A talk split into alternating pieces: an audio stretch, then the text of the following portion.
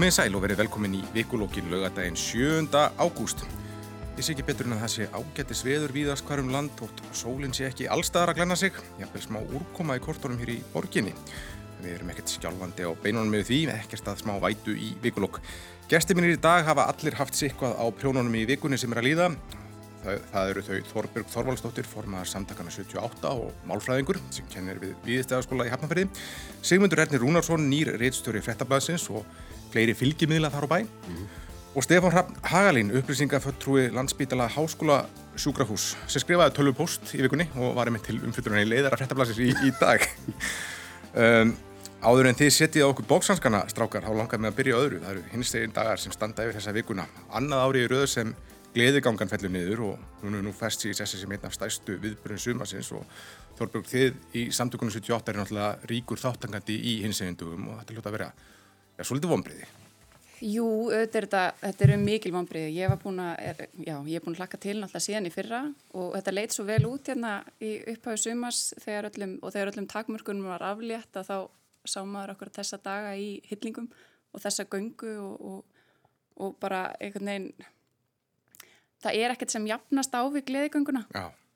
þótt að við auðvitað núna í vikunni þá hafa hins einn dagar haldið, haldið viðburði og, og fræðslur og það hefur svona ímislegt verið í gangi Mm -hmm. en það er einhvern veginn ekki neitt sem kemur í staðin fyrir Já. nákvæmlega þessa göngu Einmitt, þú gangar náttúrulega gengur út á þann sínileika að bara koma og vera, vera mjög sínileg í, í, Akkurat, í þessa, þessa viku. setja bara andlit og ekki bara veist, eitt heldur um, bara mörg þúsund andlit á þessa baráttu sem, að, uh, sem að er alltaf í gangi og mun alltaf þurfa að halda áfram Já, hvað er á oddinum í baráttunni núna, þessi, þessi dagrin?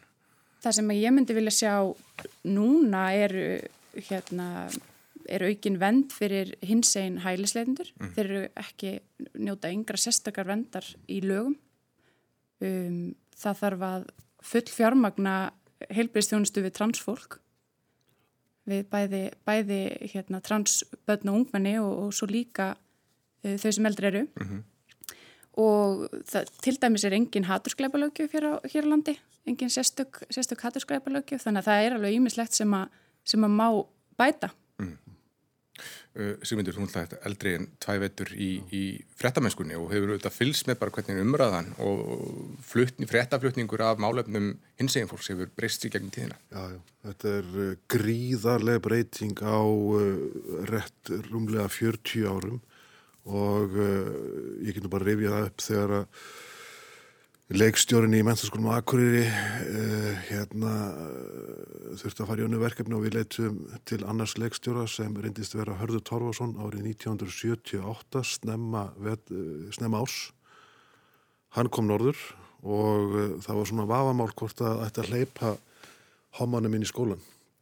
Þetta var 1978, stuttur setna stopnaðan samtökin 78 og um, ég vil nota þetta tækifæri til þess að sko halda á lofti sjálfstæðis baráttu þessara mannréttinda frömuða sem stigu fyrst fram. Já, Þetta var óbóðslega erfitt og margir tóku lífsitt vegna þess að þeir voru útskúfaðir, þeir voru hataðir, þeir voru hálfdrefnir, meittir og uh, þetta gerðist bara fyrir 40 árum. Þetta er svo stuttur tími. Það er svo stutt síðan. og uh, ég vil bara halda nöfnum þessara manna, hvenna og hvaða kyni sem þau voru mm. hátt á lofti til að minna okkur á að uh, samfélagi hefur breyst til betri vegar á mjög stuttum tíma. Og uh, við fögnum í dag en þetta á að vera okkur eilíf áminning um að þetta var barátta. Já, Stefan, þú hefur vantilega verið fastu gestur á hinsegin dögum í gegnum tíðina. Já, já, og svo líka ég var, þó ég haf nú verið í samskipta stýringu og markasmálum í 20 ár, þá var ég blamaður þar á undan í 15 ár og reitstjóri, þannig að maður fjallaði mjög oft um málefni hins eginn fólks. Ég held að sé, sko, það er ekki bara það að umræðan og, og þjóðfélagi hefur breyst til hins, hins betra á 40 árum, heldur hefur bara orðræðan bara undanfærin svona 5 ár. Hún hefur snar batnað. Já. Alls konar Þökk sem í tú. Já, alls konar uh, húmor og einelti og annað slíkt er þökk sem MeToo og öðrum svona, hvað ég var að segja það sem er að, ósegju kallað slöfunar menning sko, hérna, þetta er bara það er smelt cancel á, á, á hvers konar glataða orðræðu mjög hratt Já, Þannig að- mér finnst svona, mér finnst vera er svona- stemning er núna, fyrir, já. það er stemning fyrir því að koma vel fram við annað fólk. Já. Mér finnst það svona, það er auðvitað grunnurinn að þessu. Og það sem er líka gleðilegast í þessu er að sko þegar ég er að byrja í blaðmenn sko þá er samfélagilega afskaplega einslegt. Það var engin ofdrykkjumaður til, það var ekkert heimilsofbeldi til, það var engin þunglitumaður til, það var engin samkynnaður til, heim, he, samfélagi var einfallega ofbóðslega einslegt en svo bara með góðri blaðmennsku, opnar umræðu, betri þekkingu þá opnaði samfélagið við síndum í raun og sann hvernig það er og á að vera, það á að vera fjölbreytt, það má ekki vera einsleitt og e, núna í dag erum við að hleypa að sko öllu fólkin okkar, ekki bara samkynnuðu fólki og hinsegin fólki, heldur líka þunglindu fólki sem getur bara talað út. Og það er ekkert að því. Saman og við erum að hleypa. Simon Biles er náttúrulega gott dæmi. Uh, við erum að sjá fólk með þráskaðamlun vera hérna með sjónvarstætti á rúf uh, í rúman áratug njóta styrkleika sinna. Áður fyrir voru að nýðast á veikleikum svo margra. Núna leifum við styrkleikum að njóta sín. Og þetta er stóra byttingin í samfélaginu. Við erum að hleypa öllum að og við erum að sína breytt og kraft samfélagsins. En það er náttúrulega þurfti ofbóðislega baráttu til. En sigurinn er svo sem ekki unnin og, og baráttan, þetta var fyrst og fremst barátta samkynneira og tvíkynneira til að framanna, en nú hafa svona samtökin hafa að opna kvíarnar og, og fyrir svona málefni fleiri hópa, transfólks til dæmis og, og þar er ekki, þar er aðeins lengri land. Já, það er lengri land, bæði var þetta, hvað, er var þetta svona almenningsálit eh, en, en líka bara svona almennt í samfélaginu. Eh, Það er einhvern veginn er, til dæmis, það er ekki gert ráð fyrir því að fólk geti staðið utan þessar kynjatvíhyggju. Mm. en hán er komið í orðabókina Hán er komið í orðabókinu mikið, er glöð að sjá þetta loksins frá átnastofnun. Já, hefur það rattað í ljóðabók sem myndur? Getið þú verið fyrsta ljóðskóldi sem er orðið háni í ljóðabók? Já, þetta er kannski bara ágætis rímur Já. Þannig að þú lítur nú að fagna því bara málfræðingurinn sem, sem þú veist. Jú, jú, jú, jú, ég fagna þessu. Og ég er líka eitt af, sko, eitt svona fyrsti snertiflutin sem ég fekk við samtökun 78 var þegar ég var í, í því sem að hétt þá trúnaráð og við skipulögðum svona hýririða samkefni Já. árið 2015 og hérna, og hún var svo endur tekin aftur núna í vetur. Já, og erum að, e, tökum þetta mjög alvarlega. já, já. Við vorum eitt við viðtal við sko hérna Ingileif Friðriksdóttur og Marí Rutt Kristinsdóttur. Já, sem ég kallaði hjónutnar. já, Það er sko þetta leikar sem íslenska það er tungu. þetta, já, já, já, ég hef stundu notað hérna hjón, innjur hefur líka verið, hérna því hefur verið kastað fram. En það var meira sér, það var jafnvel sko innan samtakana smá, já, tókstreita getur við sagt, þegar, þegar uh, samtökin opnuðust fyrir fleiri hópum og svona. Hefur, hefur, hafa þær svona, hefur svo olga uh, hjaðnað? Já, ég held það. Ég held að fólk einhvern veginn sjáu bara við erum, við erum miklu sterkari þegar við erum saminuð og þegar við, þegar við stöndum saman. Mm. Því það eru þessi, þetta eru sömu kerfin, þetta eru sömu hugmyndina sem eru að halda okkur öllum niðri. Þannig að það virkar náttúrulega langt best að við séum, séum saman í þessu. Já. En þetta er líka, þú veist, ég held að svona saga samtakana, hún er saga, miklu leiti saga átaka og einmitt einhverju svona nýr hópar alltaf að, bre- eh, að hérna, brjóta leiðina. Eh, ég er til dæmis tvíkinneið og tvíkinneið voru ekkert eh, endilega velkomnir í samtökinn 78 snemma á tíundáratögnum. Mm.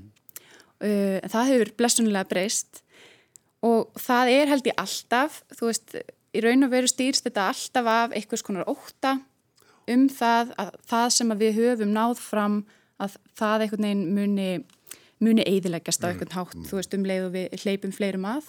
Raunin hefur ekki verið svo. Þess vegna er svo mikil eftirsjá að, að gleðugöngunni og siglingunni sem að plönu og annað slíkt sko, vegna þess að sínileikin, hann er svo mikilvægur. Já.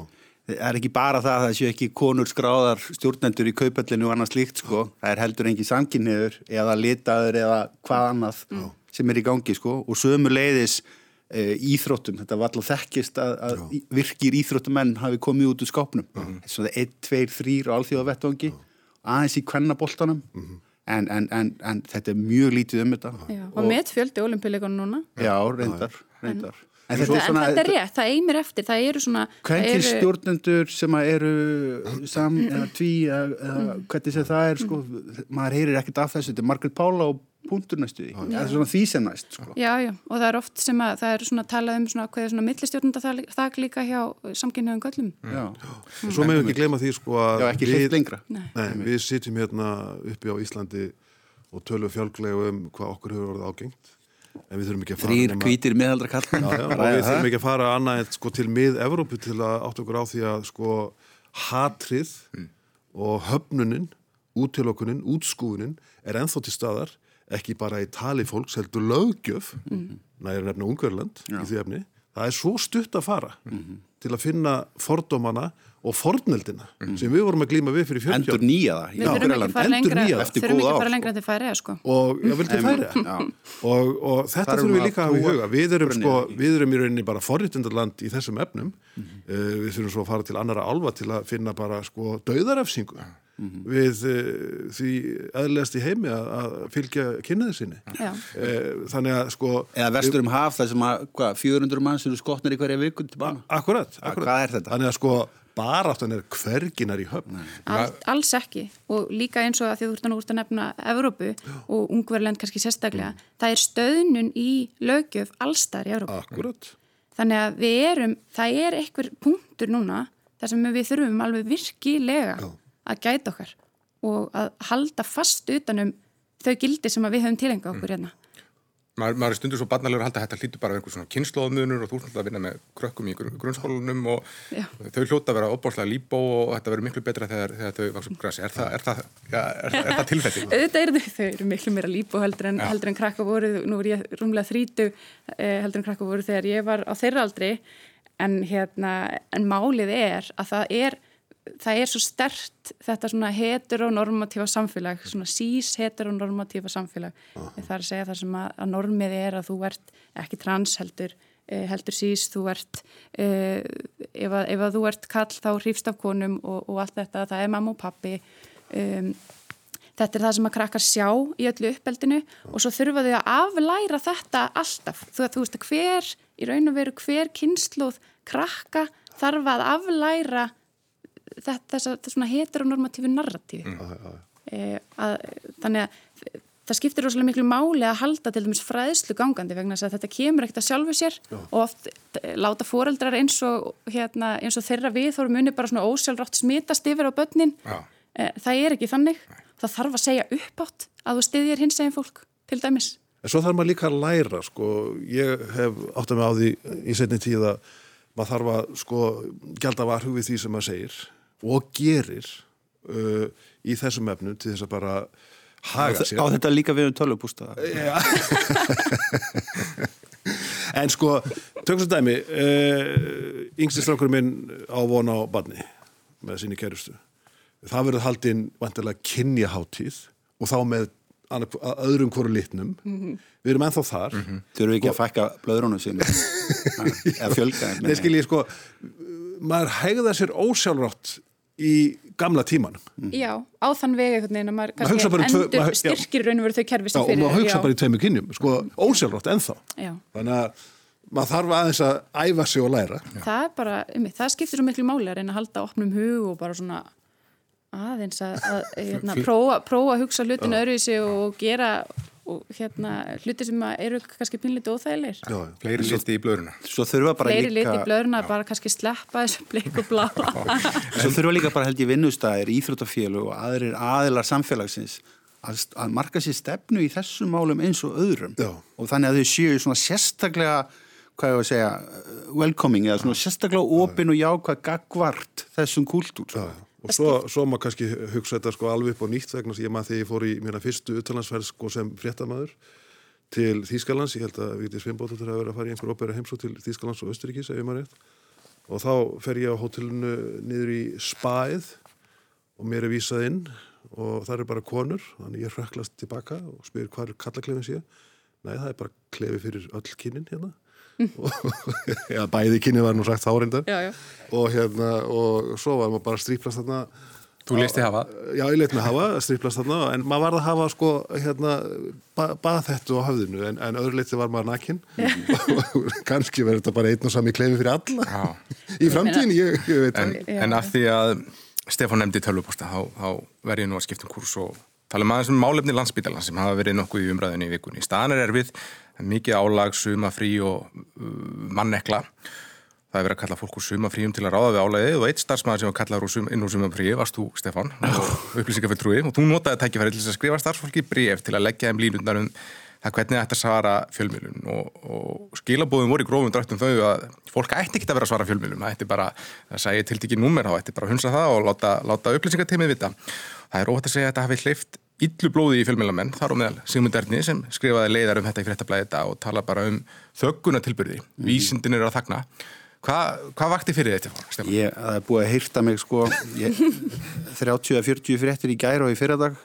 Í leiður um morgublasins og fréttablasins þannig að hérna, ég er allan búin að fá, fá þá hýrtingu sem ég sennilega bara svona átti skilið og framleiti sjálfur. Er það ekki þannig að hólutna sem við hrjösum um eru yfirleitt þær sem við höfum grafið sjálf það vakti nú ekki annað fyrir mér þetta var póstu sem var skrifaður í langsvinnudags og já já, eftir mjög stutt sumafrí og hann var þreytulegur hann snýrist nú aðalega bara um það að ég er með innan um fólk sem að er set, allir set, snýst alls ekki um miðlaga svörun frá spítalanum. Spítalinn tefnir alltaf fram þeim sérfræðingum sem er beðum hverju sinni, eru lausir á vakt og til í spjall og annað slikt og hafa til stekkingu. Við svona kannski reynum að tefla fórstjóru oftast fram ef við erum að ræða stefnu og stjórnum spítalans, fjármörnum kannski og annað slikt eða frangandastjórum, en annars bara svara sérfræðingar á hverju sviði alveg hindrunar laust og millilega laust. En það er þannig að við fáum Uh, það eru skrifaðar í venjulegu ári um 7000 fréttir um spítalan og, og þessum, þessum uh, fréttum þær, þær, þær koma út frá fyrirspötnum sem eru bara sendar inn til okkar sendar inn meðlagt sko. Geti fengið að tala við barnalæknum um bólusetningu eða hvernig, hvernig sem það er? Og þessa fyrirspötnir eru svona í venjulegu áferði svona 4-5.000 talsins sko. Þetta er svona 10 dag eiginlega alla daga ársins. Mm. og þetta dettur þetta niður og fer upp. En þetta er fjöldin og að auki er, er sægur á læknum og vísindafólki hjá okkur í bara í beinum og, og, og samskiptu við fjölmila og oft vina þráður hérna á milli. Og við hefum aldrei nokkuð tíma að skipta okkur á því eða því hvernig fólk svarar. Við reynum bara að tepla fram ég menna í gær tældu við fram fimm eða sex mismöðandi sérfræðingum. Þó potlaðu kannski farið í óvinni mörg vittölu gær, mm. laut svona stefnu og stjórnun spítalans en daginn þar áður fóru 7-8 sérfræðingar í mismöndu viðtöl. Þannig að þetta snýst nú bara um það að miðlæg uh, svona söpnum fyrirspilna frá fjölmjölum er á öllum stærri vinnustöðum sko. og eðlilega, ég var bladamæður sjálfur lengi, uh, þetta er Þetta er svona, getur verið þreytandi eða pyrrandi fyrir blagamenn að fá millili þarna milli sem vil fá fyrirsputnina og beinina rétt að leiða og annað slíkt. Þetta getur tafið fyrir og hraðinni mikill í fjölmjölum en að auki fyrir utan þess að þúsundi fyrirspilna það, það kemur örgulega annað eins á sérfræðingarna ekki allir hafa tíma til að svara þeim símtölum eða fyrirspilnum sem að til þeirra er beint mm. og þess vegna var ég að leggja áherslu á það að fólk skilaði þessum fyrirspilnum þá yfir á miðlanstað, yfir í þessi samskiptadeild þannig að við getum tryggt að öllu væri svarað eh, Pósturinn sem fara út, hann var kannski bara svona fyrsti pósturinn í laungum síðan póstfræði mm. reply to all innan hús það sem var útskýrt að ekki stæði til að þakka eða reytskoða niður í nokkur manni innan hús, ekki stæði til að hamla þeim samskiptum sem þegar væru farin að stað og annað slíkt sko. Þannig að ég ætla ekki að segja að ég sé fórnalamp einhvers miskilings en hérna mögulega hefði ég átt að lesa postin betur yfir áður ég senda, það er svona eins og það er. Sleppa kannski orðinu skrattakott Já, skrattakott, ég er samt kalla bara eins og krakkana mína og vini mína hvað er þessi skrattakotlar að Bartos á núna? Þetta var nú svona meint á vinalegum nótum. Mm. en bara eðlilega að taka fjölmilar allt það sem þeir tólka einhvers konar þögguna tilbyrði reytskoðun eða stýr, fréttastýringu bara mjög óstindu mm. en fréttastýring eða reytskoðun á, á, á skoðunum eða innihaldi viðtala við starfsfólk, það er ekki týðkað á spítala. Við erum háskólasjúkrós og við erum vinnustadur vísindafólks uh, fólks sem er og, uh, veist, ekki bara mjög andum málfrelsi sitt og, og, og vinnubröð heldur líka bara veist, er algjörlega láti í friði með það sko. Mm.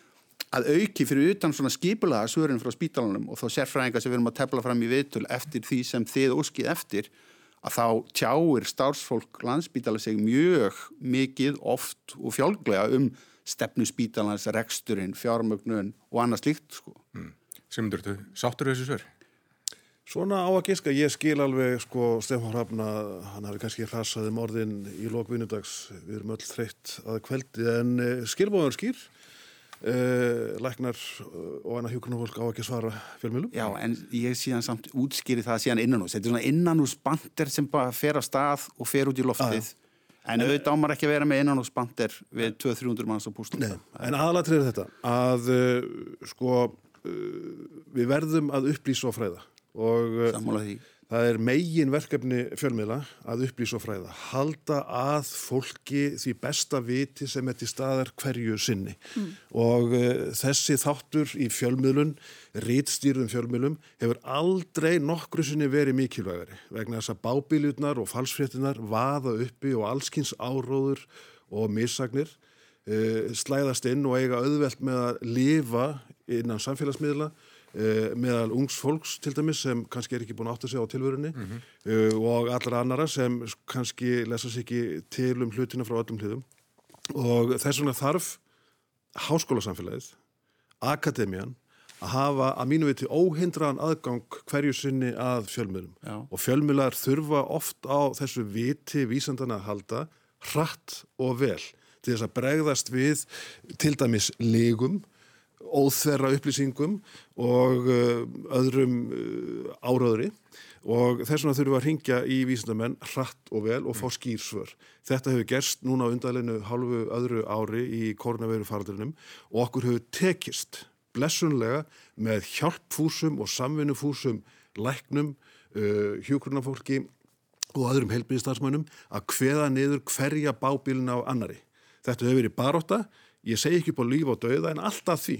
En- og, og, og þess vegna hefur verið einstaklega ánægilegt að eiga þetta góða samstarf við lækna, uh, stjórnendur spítala, uh, víða um land, ekki bara í Reykjavík, uh, til þess að takast á við þessa koronaveru og þetta hefur verið upplýsingastrýð, það, það er vel að merkja.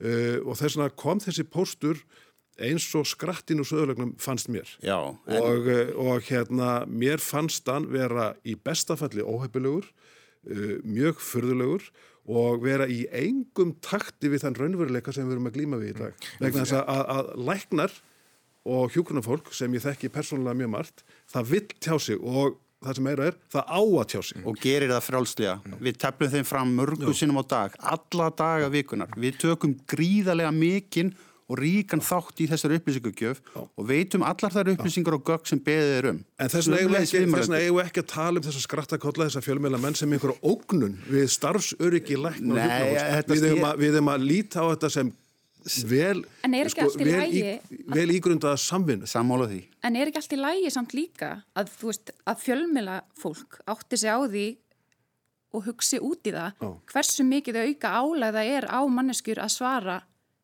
fyrirspurnu fjölmila. Ég held, sé, ég, í- ég held að sé ekki mikið auka álag að svara einum, tveimur tölvupóstum á dag frá... Það fer frá- algjörlega eftir náttúrulega manneskjunni. Já, já, já, já. En það, þú veist, ég ætla hana að því að nú er ég oft viðmjölandi fjölmila Já. og það getur alveg sett dæmin algjörlega á kvolf. Að fá einhverja erfiða spurningu sem ég þarf að svara uh, og maður vil gera það vel og maður gera undir nafni, allt þetta. Já. Veist, þannig að það kannski skiptir líka máli að stelpur geti valið, valið frá. Og nærgetni fellur aldrei úr, aldrei úr gildi Nei. og tillitsemi en það er bara einfallega eðli fjölmjöla að þurfa að ná upplýsingum fljótt Já. og En- skila þeim jafn hratt tilbaka. Þess vegna er þessi miðla fyrirspurna söpnun til þess að þið fáið öruglega Já, já. svörin hratt og vel. Já. Og það, það, veist, þetta laut nú aðalega að mannskap sem er að koma að því að allir okkar sérfræðingar, meir og minna, Já. er á kafi í klínik að sinna sjúklingum í hjúgrun og lækningum allan daginn, allan sólreikin, alla daga ársins, sko. En stefnum, þetta, Stund- þetta millisti má hins vegar ekki vera sko einhver síja og tefja Nei, nei, og hún hindra upplýsingar. Hún og ofta tíum höfum við hundist til með sko, upplýsingarstjórnun í ráðuneytunum uh, víða út í samfélaginu í fyrirtækjum vera þess eðlis, ef maður ringir þangað þá er málunum slegið og frest. Mhm. uh, vegna þess að mönnum finnst kannski ef til vil einhver ógnun af því að fréttamenn og fjölmjölumenn séu að ringja í fyrirtæki það hljóti eitthvað að vera að Mm. og þess vegna er málunu uh, slegið á frest uh, í bestafalli eða reynd að kefa. Landspítali hefur aldrei starfað ég, þannig. ég skal taka það skipt fram að Landspítali hefur ekki hagað með þessum ég, ég bara hef ég þessum taki- málum þar í fimm ár ég- þetta er ég- fyrsta skipti svo, sem já, að svo, svo eitthvað ég takk upp hanska fyrir Stefán Hrafn Hagalinn sem flyttur þetta mitt á mótlu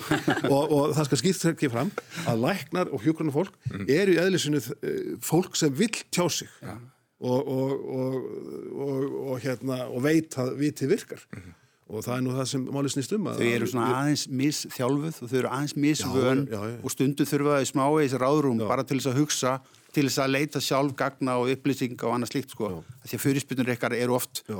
mjög, mjög ítalegar og flóknar og annað slíkt sko. Við náum ekkit alltaf að svara flóknu klínisku spurningum eins og að smetla fingri sko. En svo er þetta líka spurningum að málfrelsi og ég hef tekið eftir því bæði frá pólitíkinni og frá stjórnundum spítalans og yfirleitt bara stjórnundum fyrirtækja að það er ábyrjandi hvað reynd er að þagga niður í gaggrínisröddum uh, læknar hafa alls konar skoðanir. Þeir vilja alls konar helbriðistjónustu og þeir tjásu um alls konar leiði til þess að fólk nálgist helbriðistjónustu og ég hef fundið það í setni tíð bæði frá stjórnmálamönnum og fólki innan spítalans í tilviki landsbítalans að svona þetta eðlilega málfrelsi uh, fer í taugarnar á mörgum.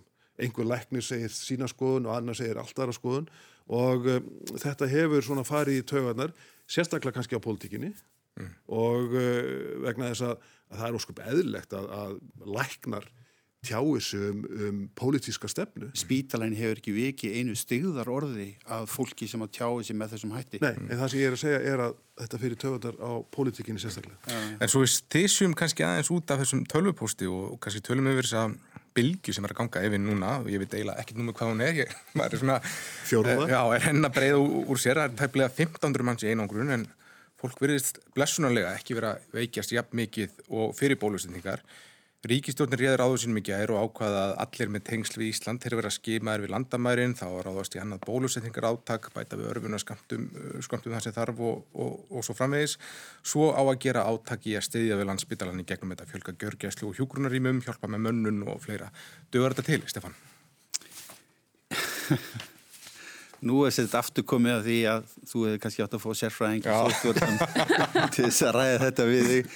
Okkur finnst náttúrulega... Þú hefur útveðan auðvörlega. Ég bara hefði komið með hann með mér, ég hefði tekið má eða runúl eða einhvern, einhvern kappa eða hildi helga með mér í þetta, eða Óla Guðlausson yfirleikni í sóttarna hjá okkur sko. Ég, ég held að svona spítalunum finnist almennt sér aldrei nóg aðgert til þess að vendan, við erum bara á mjög viðkvæmi stígi og við erum alltaf í 100% nýtingu á okkur rúmum. Þannig að ef við fáum einhverja bylgju eða stort rútuslis eða matareiturinn í skemmtifæraskipi það er ekkert borð fyrir báru hjá okkur. Nei. þess vegna er stundu talað um að það þurfa að hækka byrðingina aðeins og þú veist hérna að styrka kjölfestuna. Ég held að við þurfum að vera með spítala sem að er að keira á ég held að sé talað víðast hvar um svona 85% nýtingu á rúmum til þess að ráða við högg sem koma af faröldurum eða hópslýsum eða öðru slíku. Hver er nýting? Hamförum, hún er bara um 100% og, hversu liðlega það. Hversu lengi hefur hún verið svona mikil, þessi nýting? ég held hún sé bara búin að vera svona síðan ég mann eftir sko.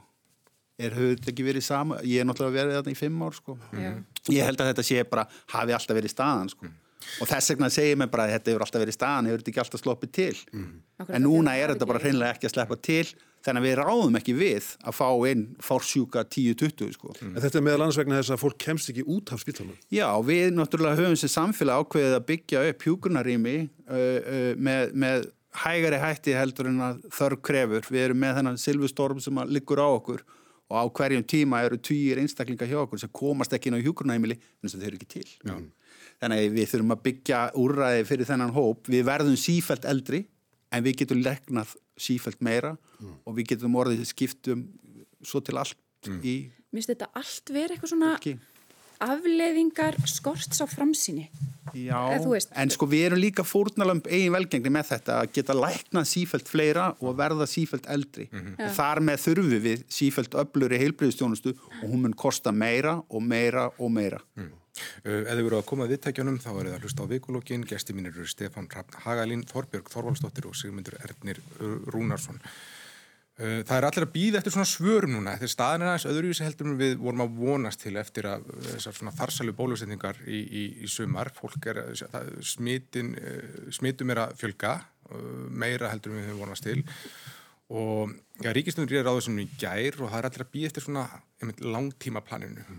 Þorbjörg, uh, varst þú fyrir mombu með, með svörin sem fengust í gæri eða bara skilur þetta, þetta þarf, við erum á, á svona ókortlöðu svæði. Já, ég veit ekki, mér ég svona síðustu vikur þá er ég fyrsta sinn einhvern veginn ekki alveg með. Mm. Ég skil ekki alveg, uh, skil ekki alveg hvernig ákvarðanir eru teknar og, og af hverju og upplifið það einhvern veginn að sé, ég myndi ekki, ekki eining innan ríkistjórnarinnar um það hvaða leiði að fara og það er ógeðslega óþægilegt. Uh, en ég fekk hérna örfunar skamt á, á þriðdægin hérna, sem starfandi kennari. Já. Og uh, þannig ég kom með Janssen, Janssen Pfizer mixið og, og það er ótrúlega gott. Og það er ótrúlega gott að vita og ég var mjög ána með það að, að, að, að okkur starfsfólki skóla hefði verið e, forgangsrað. Mm -hmm. þannig að maður kemur svona aðeins einhvern veginn örugari inn í skólaárið. En svo er núna, ég meina það komið fram þar upplýsingar það, það er stemt að algjörlega haftalauðsum skóla eða eðlilegu skólastarfi e, en Þú veist ekki meir? Eh, já, þú veist, það þarf auðvitað að bólusetta, eða mínu viti þarf að bólusetta á úlingana mm. um, af því að annars eru þau náttúrulega sett í þá stöðu að vera útsett fyrir smiti og þau er mjög langveik sískinni eða, e, eða fóreldrar sem eru veiki fyrir eða hvaða nú er og hérna, já, ég veit ekki, mér finnst þetta, mér finnst þetta óþægilegt að vera einhvern veginn ekki alveg, alveg með að hreinu hvernig skóla árið verður en við erum, auðvitað erum hérna, orðin snillingar svo sem ég að haga eh, haga saklum eftir vindi Það væri nú agalegt sérstaklega fyrir framhalskólan nema að fara í þriðja árið í röð í, væri, í, í fjarnam Þetta væri hræðilegt. Þú væri reynilega að klára mentaskólan framhalskólan á þess að ánátt sem farið í skóla Já, ekkert, já ekkert almennilega. Og þetta er svo stór hluti af námi og svo stór hluti já, af, af þeirri færni sem við erum að reyna að, að gefa krökkum er þetta, þessi, þessi, þetta félagslega umhverfi félagslega færni og, og þekking og annað slíkt sko. Sérstaklega mikilvægt fyrir fólk sem er uh, á bólakafi í mannreitundabaratu að mannskapurinn séu fulli þáttekundur í samfélagi sem er opið og frjálst mm. Sko við erum náttúrulega í miðri baratu mm. miðri heilbriðisbaratu og uh, okkur hefur skilað álegis uh, með ágætum hætti og ég er bara taka fram að það hafa allir staðið sína plikt. Ég vil taka upp hanskan fyrir stjórnvöld ég vil stjórnarnarstöðu líka uh, helbriðistarfsfólk, allt og uh, samfélagið fyrirtækin og fólkið. En uh, auðvitað sko tekst okkur flestum að lifa við þetta það er auðvelt að taka eitt skref tilbaka setja aftur upp grímun að tveggja metra nándareglunni í búðum og setja öðru hverju sæti í leikúsi og svo framvegis. En uh, mér líður illa fyrir hönd sko gamalmenna sem eru kannski að missa 10% af sinni elli eh, sko í einveru Já. án fjölskyldu og félagskapar. Ég finn til með þessu fólki. Ég finn líka sérstaklega til með framhaldsskóla og krökkum sem eru einmitt eins og sögðu að missa kannski helming sinns eh, framhaldsskóla tíma í einveru og fjarnám. Eða allan, eða allan, allan. Og um, þetta eru þau ár sem fólk tekur út sín félagsþroska og tilfýningaþroska uh, þetta eru árin sem mótöðu geraðu að manneskjum. Mm -hmm. og ef þú nærði ekki félagsfærni og tilfýningafærni á þessum tíma þá er þið skilað út í samfélagið með erfiðari hætti heldur en ella og uh, ég finn sérstaklega til með þessu fólki og ég held við verðum að gera allt allt til þess að grunnskóla börn og framhalskóla krakkar mm -hmm. uh, komist í skólansinn mm. vegna þess að þarna er gríðalega mikið húfi við erum að skila kynnslóð út í samfélagið til að spreita sig og ef það næri ekki þessum þróska þá, þá er eiginlega sko stæsti hluti af uh, þeirri sjálfsmynd sko uh, kannski göllur eða ekki ekki, ekki, ekki eins góðun hefði verið, góðun hefði verið. Mm. við hinn ég þarf ekki að vera fullur á bar klukkan 5 um nóttina ég get farið heima Sigmundur, þú ert konu sjötugs ég veit það, veit það þú ert sem er aldrei að fara að vera lengur heldur en til 11 og einhverju bar sko. ég er til svona 12 ég er konu 60 aldur sjálfur sko. þetta fólk hefur engan skilning á því að það þurfa að keira tjammi í gang sko. en það sem eru bara svona grundallar mannréttindi fyrir aldurshópin ég segi ekki 15 til 25 en, en 20 til 30 sko. Erstu eitthvað efast um mín að getur? Njá, já en sko, ég held að við höfum báðið knaspunum vellinu nýri lögadal reglulega og þetta er ekki menn sem fara hrætt yfir Nei, en, en sko uh, það sem var hins vegar ábyrrandi í þessari viku, eins og Þorbjörg sagði, uh, maður átti að sig ekki alveg á því hvað var að gerast Ég horfði á Þóról Guðnarsson sem hefur staðið sér frábærlega. Víður og Alma Sömmulegis, skólasýsti mín. Alveg ótrúlega. Ótrúlega vel. Og þetta fólk sko á allar orður Íslands skilið. En ég sá í fyrsta skipti Þórólf evast í vikunni. Ég sá að andliti var ekki alveg samfærandi þegar hann kom fram í vikunni og uh, í fyrsta sinni fann ég fyrir ákveðinu ráðaleysi, mm. bæði hjá helbriðisstjórnendum og pólitíkinni. Og þjóðin svarar þessu ráðaleysi svo litið með tvístigandi hætti. Mm -hmm. maður veit ekki hvað maður á að gera. Búðirnar, vestlæðanda sjálfar, tóku af skari og ákveðu sjálfar að taka upp grímuskyldu og tvekja metra nándareglu. Þannig að sko samfélagi sjálft er svolítið fara að taka völdin bæði af pólitíkinni og heilbriðsstjórnundum og um, í fyrsta sinn í öllu þessu háls annars ás ferli uh, finnum við fyrir ákveðinu óöryggi. Við vitum ekki alveg hvað við höfum að gera, við höfum árið fyrir með það að bólusetningin hefur ekki mm. bjargað okkur algerlega eins og margir heldu og uh, hvað höfum við að gera þá? Jú, ég held að stóra svarið sé að við þurfum að lifa með þessu, við höfum átt okkur á því að þetta er ekki sigur stund sem gellur á 9000 mínúti í einhverju leik. Þessi leikur, ef leik skildi kalla hann verður framlengtur aftur og aftur og kannski sér aldrei fyrir endan á hann. Mm. uh, Hún myndist á það Þorbjörg og hún bara í fyrsta sinn þá er hún einhvern veginn alveg með og eins og þú nefnir, Þórólfur, hann er ekki að leggja fram þetta hefðbunda minnisbæðan svo gerði yfir og stjórnvöld fylgdu svona í stórum dráttum. Það hefur verið stefnan, svona hinn pólitiska stefna alltaf að leggja þetta í hendunar á vísindunum. En nú verist vera svona smá breyting á á, á, á þeirri stefnu og við sjáum bara, til dæmis í heilbríðiskerfinu að þar hefur stefna Sandísar verið nokkur veginn að halda aftur af uh, engarekstri á meðan Bjarni heldur svolítið fast um byttuna á, á, á meðan. Og nú til dæmis í gær stígu Bjarni fram og talar um að það þurfa að taka á einhverjum svona kerfislegum vanda í, í, í kerfinu frekar en að opna áhersinahæftið um, og það er kannski hlaupin meiri svona sóttvartinnar eiga eftir að setja meiri bara svip á kostningabartuna það er svona kostninga öllu heldur kostningabartuna eftir að setja svona blandast inn í sótarnunar. Ég fannst þau samt, nokkuð samtaka um það að það þyrti að gæta þessa heilbyrðiskerfi réði við ástandið. Uh, ég var í köpen í fjárvinu og að sinna batnabatni í nokkru dagum daginn og þar höfðu sett vestlanir, uh, veitingastæðir tekið upp þennan kórunupassa, mm. Uh, bólusetningar, þú þarfst að sína bara hérna, QR-kóð og annað slíkt til þess að mm. komast inn að þú sett bólusettur og það sé í lægi með þig Uh, en það voru ekki allar veslanir með þetta þetta var ekki regla yfir allt samfélagið þarna höfðu einmitt hérna, aðelatni bara tekið sér saman um ég ætla að reyna að komast hjá því eftir, eins og ég geta, hér komi upp hópsmitt og annað slíkt og við gerum það með grímuskyldu eins og hægt er með því að fólk framvísi votturum og annað slíkt sko.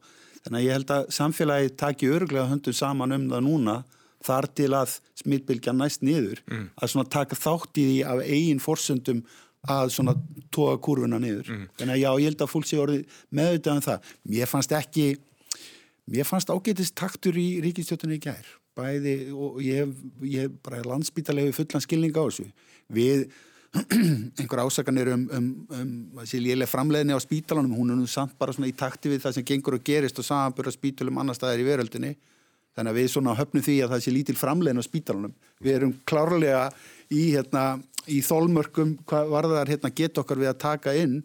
En vonandi þróast þessi faraldur þannig að, að fáir komi inn og, og annars líkt sko. En síðan er spítalinn bara að glýma við mönnun, manneklu. Og við erum bara pínu lítið land með ofsalega fáa sérfræðinga á hverju sviði. Mm.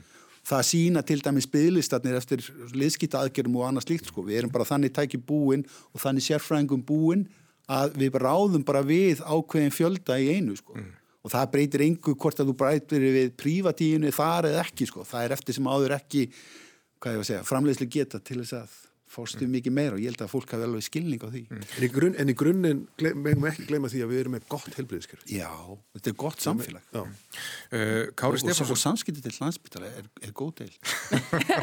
ég, ég er bara byrst afsökunar á þessum tölubústi og öllu í kringum þetta. Já, þetta er bara mjög, þetta er afleitt hjá mér. Uh, Má ég lesa ljóðið það? Nei, við skulum býða með það.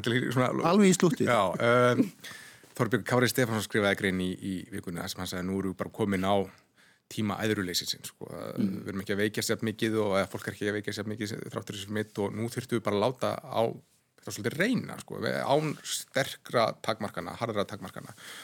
Um, hann nefndi eitt sem hann dróði vissu tilbaka en fleiri hafa talað fyrir og við sjáum eins og Stefán nefndi að það er að segja að þeir sem afþakka eða hafna bólusetningu að þeir þurfa að sæta bara meiri takmarkunum heldur aðrir þeir sem, þeim, sem, þeim er ekki hleyft inn í veslanir á viðburði og Sjáum í bandaríkjónum þar voru starfsmenn CNN sem voru bara hennilega reknir fyrir að mæta óbólusettir í vinnuna.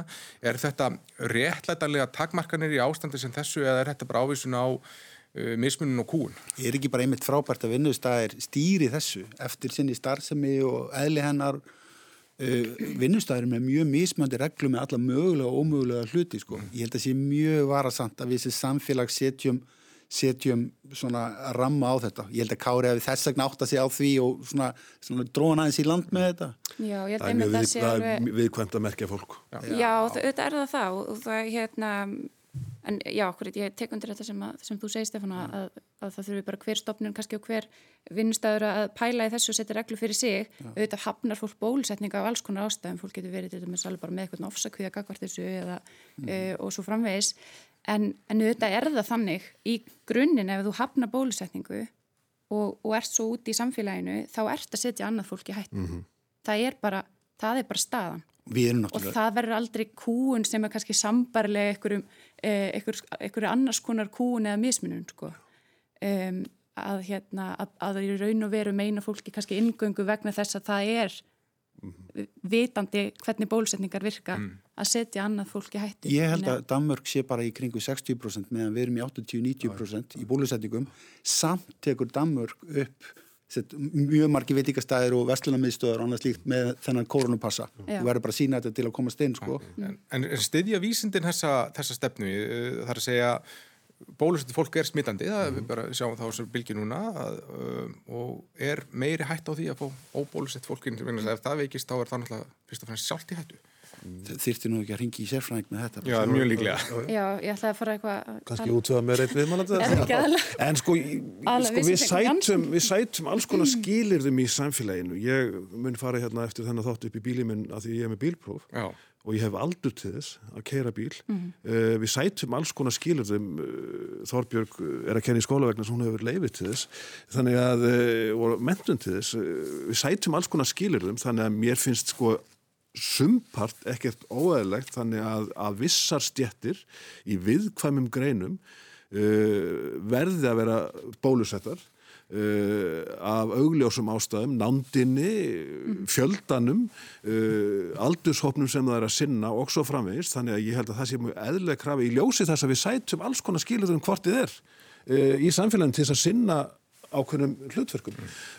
En almennt séð er ég nú ekki fylgjandi í gíðingarstjórnunni. Nei. Ég held ekki séð það. það. Það er það enginn og þetta er ekki sambarlegt. En sjáu þið þetta, er þetta Er þetta raunhæft markmið? Hérna getum við haft svona frekar, um, frekar slakar reglur, einhverja reglur en þó svona reynda að halda. Í, við höfum ímsa laustir, einmitt vorum að ræða þetta fram með kaffibótlunum, hvort við ættum að taka upp hraðpróf tónleika eða Já. stóra vestlunarmiðstöðar eða annað slíkt. Mm. Ég held að fólk myndi bara að fara glatt í þetta til þess að geta verið frjálst og í friði Já. þó að þurfa að býða í einhver asnalegu andir í korter aðrið er hleyft inn. Já og ég menna við erum með marga byggingar það sem er hátti loft svo víti veggja og hægt að koma svona fyrir mm -hmm. fyrir utan vestlunarmiðstöðar út í Európu eru viðast hvar risavaksir tjöld það sem hefur verið að taka þessir hraðpróf -hmm. og fólk bara gengst undir þetta og, og lætu sér hafa það og vonandi með tækni líka skila sér hratt á næstu vikum, mánuðum og missurum já, já. í þá veru að þessi hraðbróf séu bara nánast sko sekundu spursmál. Já, já, já, einmitt. Þau veita, mennir að þróa þau í að veita sífælt hraðar í svörun mm. og nákvæmur í svörun mm. og við veita líka sko, við hefum líka eftir að bæta þessi bóluefni. Við hefum líka eftir að bæta þessi bóluefni, mögulega að bæta þessu við önnur bóluefni mm þannig að þú getur farið í flensusbröytu einu svona ári og, og, og fengið aðnarkort aðra spröytu í leiðinu og annars slikt sko, eins og þörf krefur sko, vísindunum flegi mjög hratt fram. En svo eru við þetta áfram, við verðum áfram í hættu í raun og veru gagvart þessum faraldri svo lengi sem að öll heimsbyðin er ekki bólusett og það er ekki, veist, það er alltaf þessi hætta á nýju, nýju afbríði, nýju og nýju afbríði sem að eh, sem, sem okkar bólefnum þá virka ekki á e, á meðan þessi veira færa grassira. Mm -hmm. Þannig að við þurfum líka að, að leggja okkur fram við það að koma bóluefni á e, á alla þá staði sem að, þar sem það vantar. Og bólusetja niður úr væntarlega í aldrei.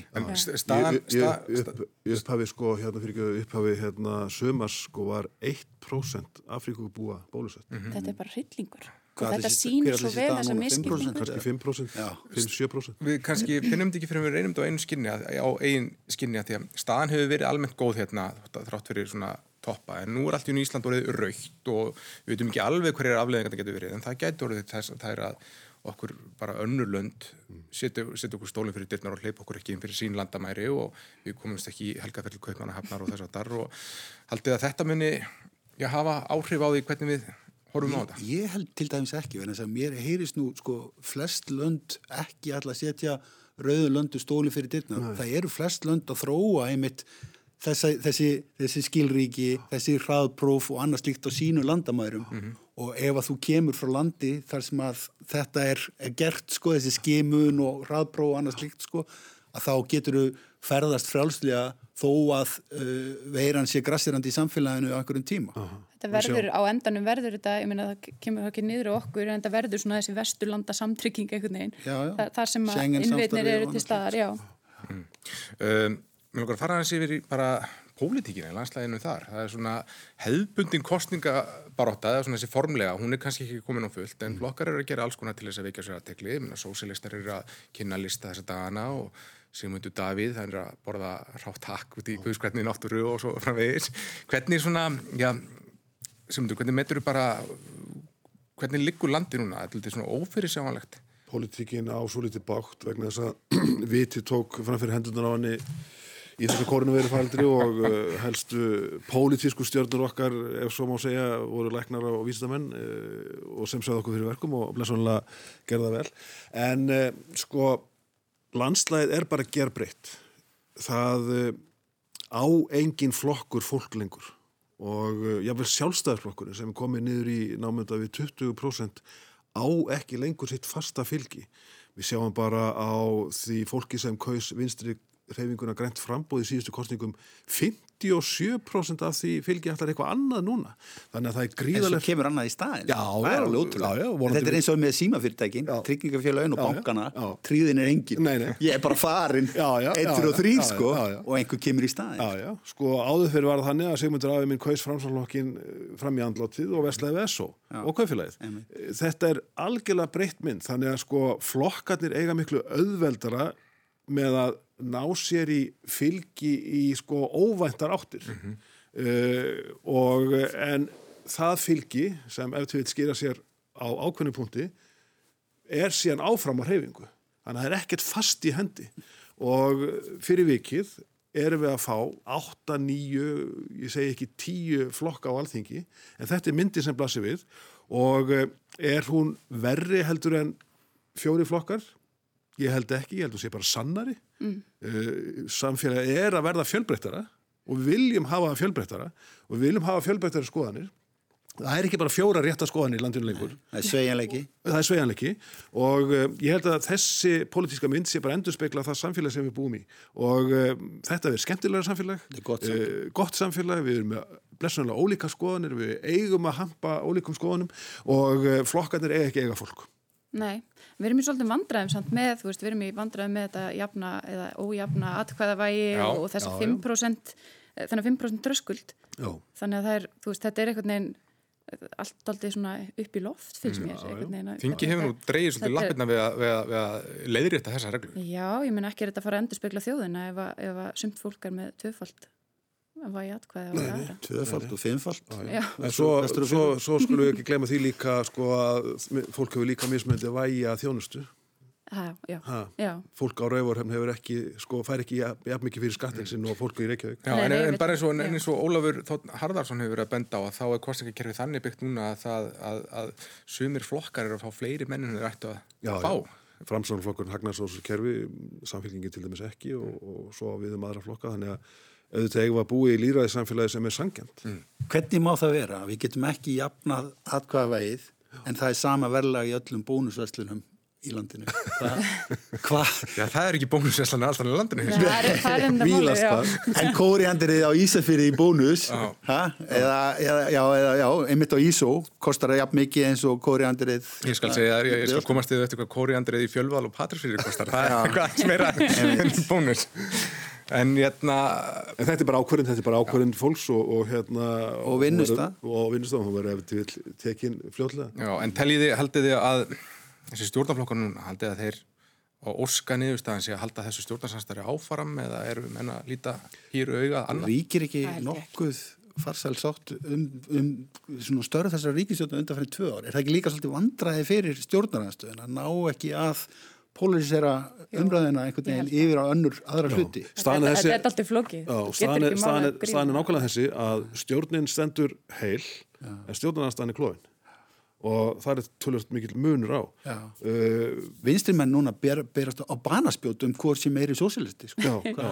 og um, sko vinstri grænir eru komin í hlutverk gamla góða framstofnflokksins þeir hafa það í valdi sínu hverjir stjórna, þeir hafa það algjörlega í vald- valdi sínu hvort að sjálfstæðarflokkunum kemst að stjórnatöfunum eða ekki.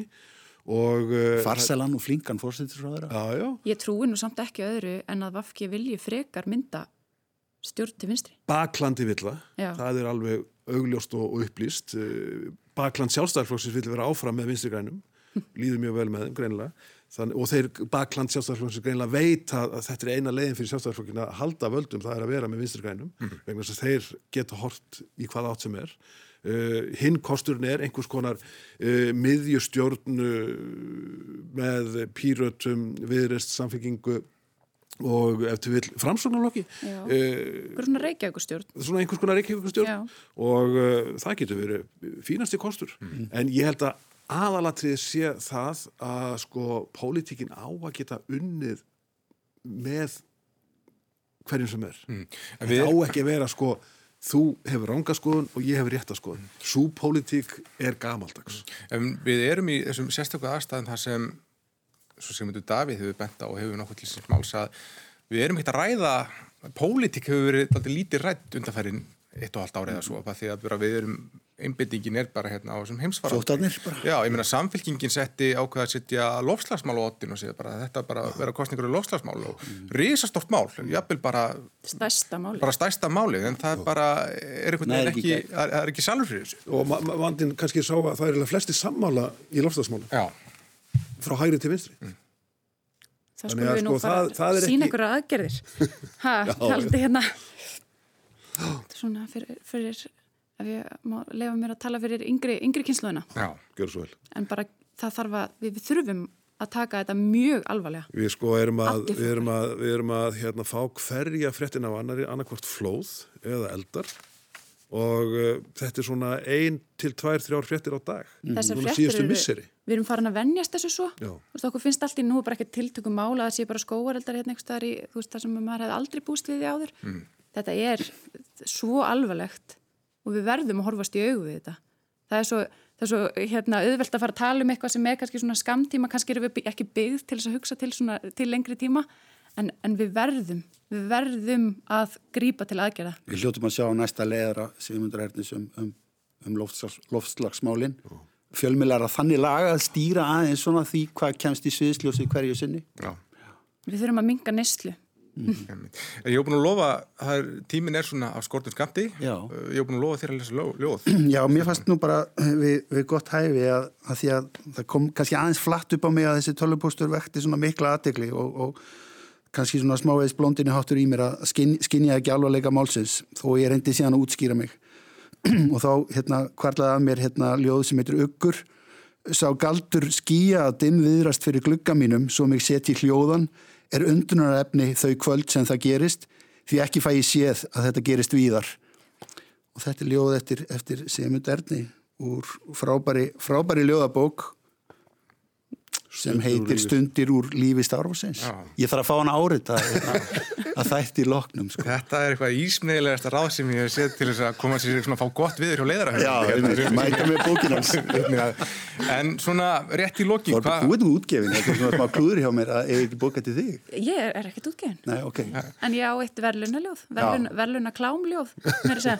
Manstu lín úr því? eða? Ha, nei, nei, ég ætla ekki að fara fyrir ekkert með þetta.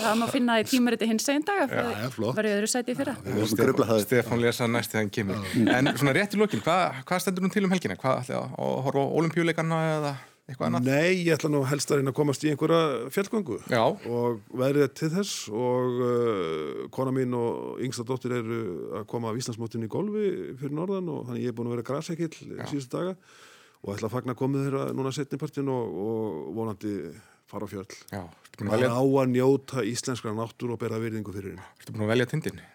Nei, ég hugsa að verði bara einhvers þeirri í grendinni sko. Erum við að tala um grunnbúðir Úlarsfells Já, eftir klukkutíma? gæti verið, gæti verið. En það eru lengri göngur í undirbúningi setnipartin í ágúst. Já, já. Þorbjörg, hvernig lítur helgin út hjá þér? Uh, vá, ég veit, jú, býtti nú við. Ég er fara alltaf að hitta fólk á ótilgreyndum stað. Nú, með- við mögum ekki Já. en við, við megum þó hittast. Ég ætla að mæ- mæta í, svona, í fullum regnbóðskrúða á ótilgreyndum stað og, og fagna með mín fólki. Og svo er ég að fara í dinner í kvöld. Ég ætla að horfa hátjar hérna útsendingu Rúf, hins einn hérna, daga útsendinguna Aha.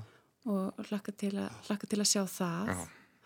Og á morgun hugsa ég að ég verði í spennufalli.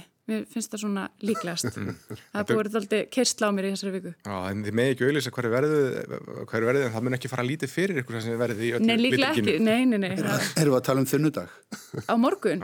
Ég er reyndar hægt að drekka þannig að það verður engin þunnudagur. En, en ég verð samt þreytt. Það er- Ég er búin að komast að því að að stór hluti, þingunar er, er þreita.